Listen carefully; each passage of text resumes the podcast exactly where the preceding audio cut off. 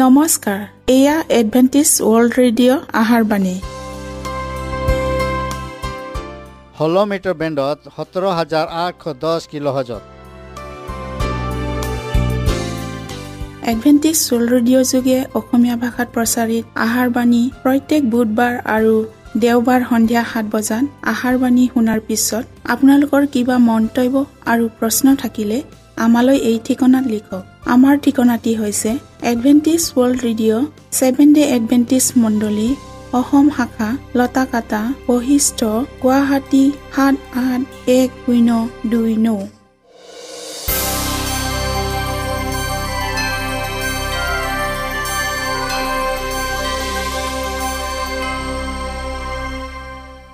প্ৰিয় শ্ৰোতা বন্ধুসকল এতিয়া শুনো আহক এটি খ্ৰীষ্টীয় ধৰ্মীয় গীত।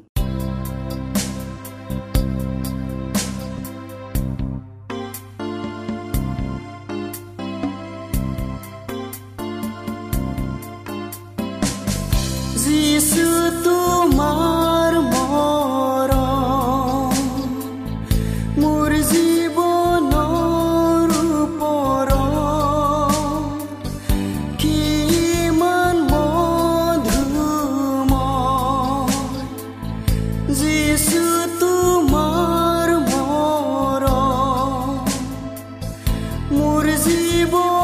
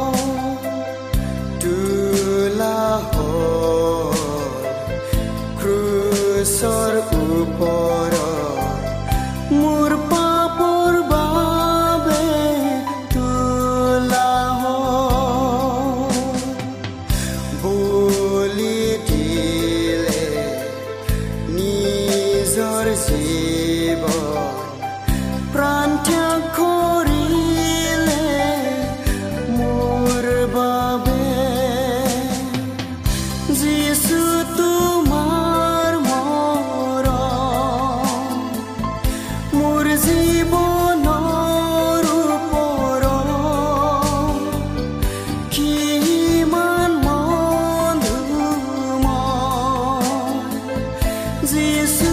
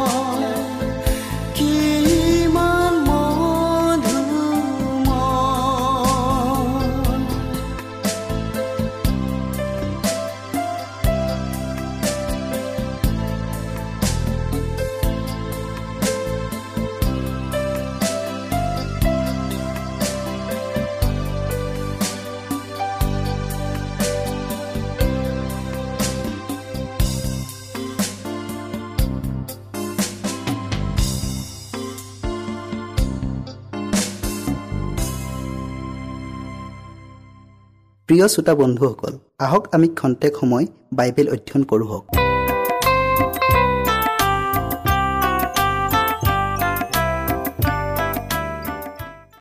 প্ৰিয় শ্ৰোতাসকল নমস্কাৰ।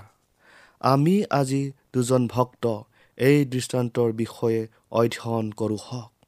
শাস্ত্ৰপদ আপোনালোকে পঢ়িব লোক ওঠৰ অধ্যায়ৰ নৌৰ পৰা চৈধ্য পদলৈ। আমি প্ৰাৰ্থনা কৰোঁ হওক। স্বৰ্গত থকা প্ৰেমময় ঈশ্বৰ যি হোৱা তোমাক আকৌ ধন্যবাদ দিছোঁ। প্ৰভু আমি আজি নতুন দৃষ্টান্ত দুজন ভক্ত এই দৃষ্টান্তৰ বিষয়ে অধ্যয়ন কৰিবলৈ আগবঢ়াইছোঁ। সেই নিমিত্তে তুমি আমাৰ লগত থাকা। প্ৰত্যেক শ্ৰোতাৰ লগত তুমি পবিত্ৰ আত্মাৰ যোগেদি থাকা আৰু তেওঁলোকৰ হৃদয় স্পৰ্শ কৰি দিয়া। এই নিবেদন যীশুৰ নামত খুজিলোঁ। আমেন। নিজকে ধাৰ্মিক বুলি নিজত ভৰসা কৰা আৰু আনক সেৱ জ্ঞান কৰা খ্ৰীষ্টই এই দৃষ্টান্তেৰে পৰিচি আৰু কৰ তোলাজনৰ বিষয়ে ক'লে। ফৰিচীজনে মন্দিৰলৈ উপাসনা কৰিব গৈছিল এইকাৰণে যে তেওঁ নিজকে পাপী বুলি উপলব্ধি কৰি নহয়। বৰং নিজকে ধাৰ্মিক বুলি গণ্য কৰি মানুহৰ মান প্ৰশংসা পাবলৈ গৈছিল। তেওঁ ভাবিছিল তেওঁৰ ধৰ্ম কৰ্মৰ যোগেদি ঈশ্বৰৰ আগত প্ৰশংসিত হৈ পুৰস্কাৰ অধিকাৰ লাভ কৰিব। আৰু একে সময়তে তেওঁ ধৰ্মনিষ্ঠা লোক বুলি মানুহবিলাকে উচ্চ প্ৰশংসা কৰিব। তেওঁ ঈশ্বৰৰ আৰু মানুহ উভয়ৰ পৰা অনুগ্ৰহ লাভৰ আশা কৰিছিল। তেওঁৰ ধৰ্ম কৰ্ম স্বাৰ্থৰ দ্বাৰাই পৰিচালিত হৈছিল। তেওঁ আত্মপ্ৰশংসাৰে ভৰপূৰ আছিল আৰু তেওঁ সেইদৰে আশা কৰিছিল আচৰণ কৰিছিল প্ৰাৰ্থনাও কৰিছিল। আনৰ পৰা নিজকে পৃথক ৰাখি হয়তো কৈছিল নিজ ঠাইতে থাকা মোৰ ওচৰলৈ নাহিবা কিয়নো মই তোমাতকৈ পবিত্ৰ। এতিয়া তেওঁ ঠিক সেই প্ৰাৰ্থনা কৰিব ধৰিলে। তেওঁ এতিয়া সম্পূৰ্ণ আত্মসন্তুষ্টিৰে ঈশ্বৰৰ আৰু মানুহে একেই প্ৰশংসাৰে সন্মানিত কৰিব বুলি ভাবিলে। তেওঁ এইদৰে প্ৰাৰ্থনা কৰিলে হে ঈশ্বৰ মই আন মানুহৰ নিচিনা অপৰাশক অন্যায়কাৰী ব্যবিচাৰী নাইবা এই কৰ তোলাৰ নিচিনাও নহওঁ। তেওঁৰ স্বভাৱ ঈশ্বৰৰ পবিত্ৰ স্বভাৱৰ দ্বাৰাই তুলনা নকৰি আন মানুহৰ সৈতে নিজৰ স্বভাৱ তুলনা কৰিছে। তেওঁৰ মন ঈশ্বৰৰ পৰা আঁতৰি মানৱ প্ৰশংসালৈ আকাংক্ষা কৰিছে। এইটোৱে আত্মসন্তুষ্টিৰ গুপুত ৰহস্য। তেওঁ পুনৰ তেওঁৰ ভাল কামবোৰ দোষাৰিব ধৰিলে। মই সপ্তাহৰ ভিতৰত দুবাৰ লঘোণ দিওঁ আৰু মোৰ সকলো আয়ৰ দশম ভাগ দান কৰোঁ। সৰিচিজনৰ অন্তৰ স্পৰ্শা ধৰ্ম কৰ্ম নাছিল। প্ৰেম আৰু দয়াৰে পৰিপূৰ্ণ অন্তৰৰ ঈশ্বৰ সদৃশ্য গুণ তেওঁ বিচৰা নাছিল। তেওঁ কেৱল বাহিকতাৰে বা মানুহক দেখুৱাই কৰা ধৰ্ম কৰ্মত আনন্দ লাভ কৰিছিল। তেওঁৰ ধাৰ্মিকতা তেওঁৰ নিজৰ আছিল। কৰ্মফল তেওঁৰ নিজৰ আছিল আৰু বিশ্বাস বুদ্ধিও মানৱ নিৰ্ধাৰিত বিধিত আবদ্ধ আছিল। নিজকে ধাৰ্মিক বুলি দাসকোপ মৰা লোকে আনক অৱজ্ঞা বা ঘৃণা কৰিবই। ই ধুৰূপ। সৰিচিজনে যেনেকৈ আন মানুহৰ লগত নিজকে তুলনা কৰি বিচাৰ কৰিছিল। তেনেকৈ নিজকেও আন মানুহৰ সৈতে তুলনা কৰি নিজৰ বিশ্বাস বুদ্ধিত উপনীত হৈছিল। আন মানুহৰ সৈতে তুলনা কৰি নিজৰ ধাৰ্মিকতা মূল্যাংকন কৰিছিল। সেইবিলাক যিমানেই বেয়ালৈ ঢাল খাইছিল এওঁ চাহ ধাৰ্মিকতা সিমানেই প্ৰকট হৈছিল। এওঁৰ স্বধাৰ্মিকতা সিমানেই প্ৰকট হৈছিল। তেওঁৰ স্বধাৰ্মিকতাই আন মানুহক দোষাৰোপ কৰি ঈশ্বৰৰ আজ্ঞা ভংগকাৰী বুলি আৰোপ কৰে। এইদৰে সেইজনে নিজৰ ভাইবিলাকৰ বিৰুদ্ধে অভিযোগ কৰা ছয়তানৰ প্ৰকৃত ৰূপ প্ৰকাশ কৰে। এনে মনোভাৱেৰে ঈশ্বৰৰ সৈতে মিল হোৱা সেইজনৰ পক্ষে অসম্ভৱ। ইয়াৰ উপৰিও ঈশ্বৰীয় আশীৰ্বাদৰ পৰা বঞ্চিত বা সৰ্বহাৰা অৱস্থাৰে নিজ গৃহলৈ প্ৰস্থান কৰে। প্ৰিয় শ্ৰোতাসকল কৰ তোলাজনেও আন আন ভক্তবিলাকৰ সৈতে উপাসনা কৰিবলৈ মন্দিৰলৈ গৈছিল। কিন্তু সহভক্তবিলাকৰ সৈতে একগোট হৈ উপাসনা কৰা যোগ্য নহয় বুলি ততালিকে নিজকে পৃথক কৰিলে। অতি তিক্ত অসহনীয় মানসিক যন্ত্ৰণা আৰু আত্মঘৃণাৰে তেওঁ দূৰত থিয় হৈ স্বৰ্গৰ ফালে চকুকে তুলিবলৈ হা নাপায় নিজৰ হিয়া ভুকুৱাই থাকিল। তেওঁ জানিলে যে তেওঁ ঈশ্বৰৰ বিৰুদ্ধে পাপ কৰি কলসিত হ'ল। তথাপিও তেওঁৰ চাৰিওফালে থকা লোকবিলাকৰ পৰা কোনো দয়া আৰু মহানুভূতি আশা নকৰিলে। কাৰণ মানুহবিলাকে তেওঁক অৱজ্ঞা আৰু ঘৃণাৰে দৃষ্টি কৰিছিল। তেওঁ ইয়াকো জানিছিল যে তেওঁৰ কোনো সৎগুণ নাই যে ঈশ্বৰৰ আগত স্বীকাৰ কৰিব। সেয়ে তেওঁ আত্মনিৰাশাত ভুগি ক্ৰদন সহিত ক'লে হে ঈশ্বৰ পাপী যি মই মোলৈ প্ৰায়চিত্ৰৰ দ্বাৰাই প্ৰসন্ন হওক। কৰ তোলাজনে নিজকে আনৰ সৈতে তুলনা কৰা নাছিল। তেওঁ নিজকে দোষী উপলব্ধি কৰি বিসবল হৈ আশা সুধীয়াকৈ ঈশ্বৰৰ সাক্ষাতে থিয় হৈ আছিল।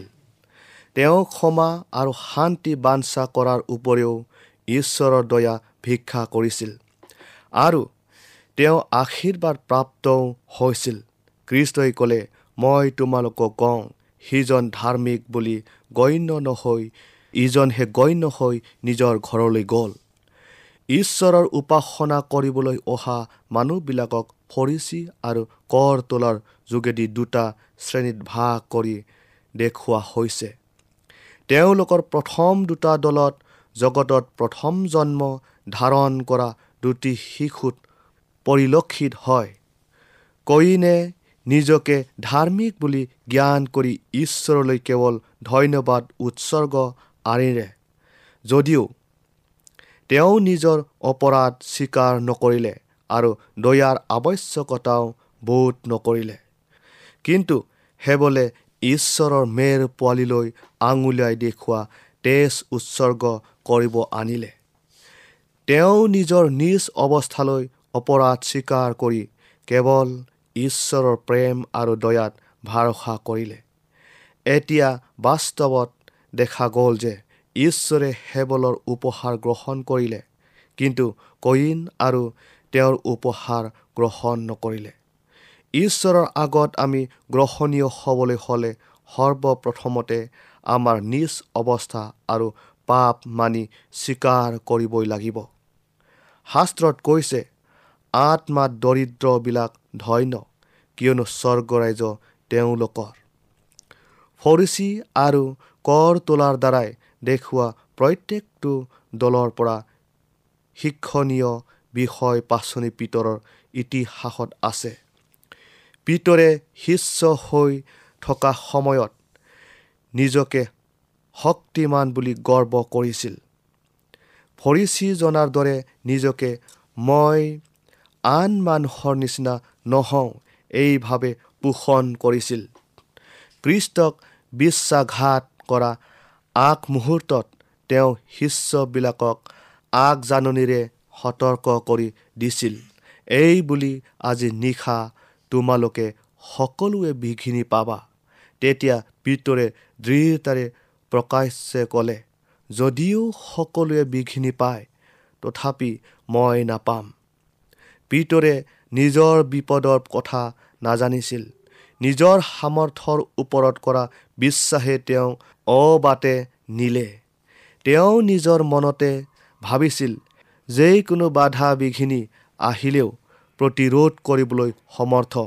কিন্তু অলপ সময়ৰ পাছতেই সেই পৰীক্ষা অহাত হাও আৰু শপতেৰে নিজ প্ৰভুক স্বীকাৰ কৰিলে। প্ৰিয় শ্ৰোতাসকল কুকুৰাই দাগ দিয়া সময়ত কৃষ্টৰ কোৱা কথা ভিতৰৰ মনত পৰাত তেওঁ এইমাত্ৰ কি মহাভুল কৰিলে ইয়াকে জানি আশ্চৰ্য আৰু আকস্মিক আৱেগত ঘূৰি তেওঁৰ গুৰুজনালৈ দৃষ্টি কৰিলে। সেই মুহূৰ্তত কৃষ্টও পিতৰলৈ চোৱাত সেই শোকৰ চাৱনিৰ অন্তৰালত যি দয়া আৰু প্ৰেম মিহলি হৈ আছিল তাক পিতৰেহে বুজিছিল। তেওঁ ৰ'ব নোৱাৰি বাহিৰলৈ গৈ শোকেৰে ক্ৰদন কৰিলে। কৃষ্টৰ সেই চাৱনিয়ে পিতৰৰ হৃদয় চূৰ্ণ বিচূৰ্ণ কৰিলে। এই সন্ধিক্ষণতে পিতৰে তেওঁৰ অন্তৰ আত্মাৰে তেওঁৰ পাপৰ কাৰণে অনুতাপ কৰিলে। তেওঁ কৰ তোলাজনৰ দৰে খেদ আৰু অনুতাপ কৰিছিল আৰু কৰ তোলাজনৰ দৰে পিতৰেও দয়া অনুগ্ৰহ পালে। কৃষ্টৰ সেই চাৱনীয়ে তেওঁক ক্ষমাৰ আশ্বাস দিলে। এতিয়া তেওঁ নিজৰ সামৰ্থ্যৰ ওপৰত নিৰ্ভৰ কৰা ভাৱ আঁতৰি গ'ল। সেই পুৰণি আত্মা গৌৰৱৰ স্থিতি পুনৰ দোহৰা নহ'ল। কৃষ্টৰ পুনৰুত্থানৰ পাছত পিতৰক তিনিবাৰ পৰীক্ষা কৰা হ'ল।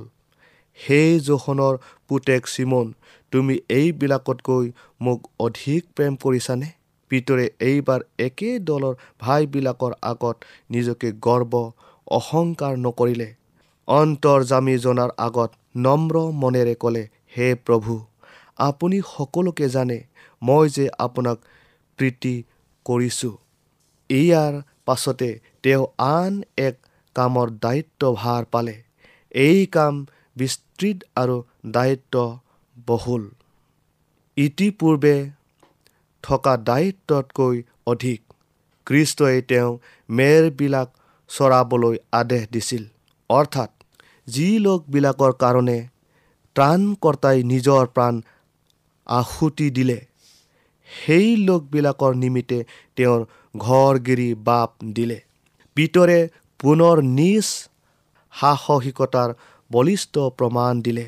এই সময়ত দুৰ্দান্ত গৰ্বী নিজ শক্তিত নিৰ্ভৰ কৰা শিষ্যজন নম্ৰ আৰু শান্ত শিষ্ট হ'ল। এতিয়াৰে পৰা আত্মত্যাগেৰে আৰু নিষ্ঠাৰভাৱে প্ৰভুৰ অনুগামী হ'ল। তেওঁ কৃষ্টৰ দুখ ভোগৰ সমভাগী আছিল আৰু যেতিয়া কৃষ্ট গৌৰৱৰ সিংহাসনত বহিব তেতিয়া পিতৰো তেওঁৰ গৌৰৱৰ অধিকাৰী হ'ব। প্ৰিয় শ্ৰোতাসকল যি অসৎ কৰ্মই পিতৰৰ পতন ঘটাইছিল আৰু পৰিচীজনক ঈশ্বৰৰ সৈতে সম্বন্ধ ৰখাত ব্যাঘাত জন্মাইছিল। সেই একে অশক্তিয়ে আজি সহস্ৰজনক ধ্বংসৰ পটলৈ ঠেলি নিছে। ঈশ্বৰৰ আগত মানুহৰ মনৰ গৰ্ব অহংকাৰ আৰু স্বাৰ্থপৰতাৰ দৰে ইমান জঘন্য আৰু বিপদজনক অপৰাধ আৰু নাই। আটাই অপৰাধৰ ভিতৰত এনে অপৰাধ অতিকৈ নিৰাশজনক আৰু কোনোৰূপেই উপশম কৰিব নোৱাৰা বিধৰ। তৎক্ষণাত পিতৰৰ পঠন ঘটা নাছিল কিন্তু ধীৰ গতিৰে পতন ঘটিছিল। নিজৰ সামৰ্থ্যৰ ওপৰত নিৰ্ভৰ কৰি তেওঁ নিজকে পৰিত্ৰাণ পোৱা লোক বুলি বিশ্বাস কৰিছিল। আৰু একোচ একোচকৈ ইমান নিম্নগামী হ'ল যে অৱশেষত তেওঁ নিজ প্ৰভুকে অস্বীকাৰ কৰিলে। নিজৰ ওপৰত নিৰাপদ নিৰ্ভৰ কৰি বা অনুভৱ কৰি বিশ্বাস কৰাই স্বৰ্গপ্ৰাপ্তি হ'ব নোৱাৰোঁ। কোনো প্ৰকাৰৰ বাধা বিঘিনিও প্ৰতিহত কৰিব নোৱাৰোঁ। ত্ৰাণকৰ্তাক গ্ৰহণ কৰাবিলাকে যিমানেই মনৰ সৰলতাৰে আৰু আন্তৰিকতাৰে পৰিৱৰ্তন নহওক কিয়? তেওঁলোকে কোনোৰূপে ক'ব নালাগে বা শিকাবও নালাগে বা পৰিত্ৰাণ পালোঁ বুলিও ভাৱ আনিব নালাগে। এইদৰে কৰিলে ভুল পথে পৰিচালনা কৰা হয়। আশা আৰু বিশ্বাসেৰে প্ৰত্যেক মনত পোষণ কৰিব লাগে। কিন্তু যেতিয়া আমি নিজকে খ্ৰীষ্টত সোধাই দিওঁ আমিও জানিব লাগে তেওঁ আমাক গ্ৰহণ কৰিছে। কাৰণ বাধা বিঘিনিয়ে আমাক ঢুকি পোৱাত দূৰত নাই। ঈশ্বৰৰ বাক্যই কৈছে অনেকে নিজকে পবিত্ৰ শুক্লা আৰু পৰীক্ষা সিদ্ধ কৰিব। দানিয়েল বাৰ অধ্যায়ৰ দহ পদত যি মানুহে পৰীক্ষা সহন কৰে তেওঁ ধন্য কিয়নো পৰীক্ষা সিদ্ধ হ'লে প্ৰভুৱে প্ৰেম কৰাবিলাকক জীৱন ৰূপ কীৰ্তি পাব। প্ৰিয় শ্ৰোতাসকল আজি আমি ইয়াতে সামৰিলোঁ। অহা অনুষ্ঠানত ইয়াৰ বাকী অংশ আমি শুনিবলৈ পাম হওক। ঈশ্বৰে আপোনাৰ লগত থাকক।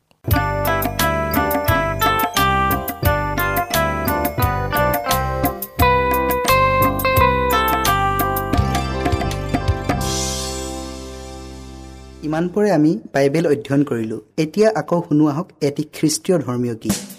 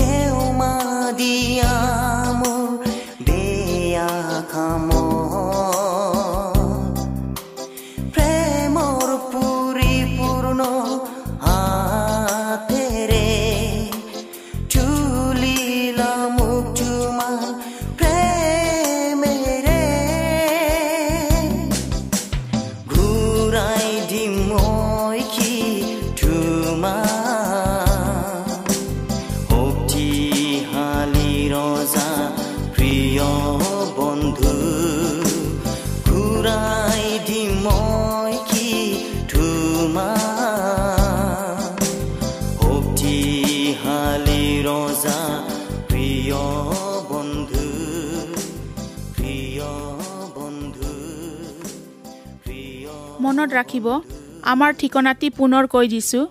Adventist World Radio' Assam region of Seven Day Adventist Voice of Hope Latakata Basistha Guwahati seven eight one zero' two nine প্ৰিয় শ্ৰোতা বন্ধুসকল এডভেণ্টিজ ৱৰ্ল্ড ৰেডিঅ' যোগে আহাৰবাণী প্ৰচাৰত আপোনালোকক পুনৰ লগ পোৱাৰ আহাৰে আজিলৈ সামৰিলোঁ। ধন্যবাদ।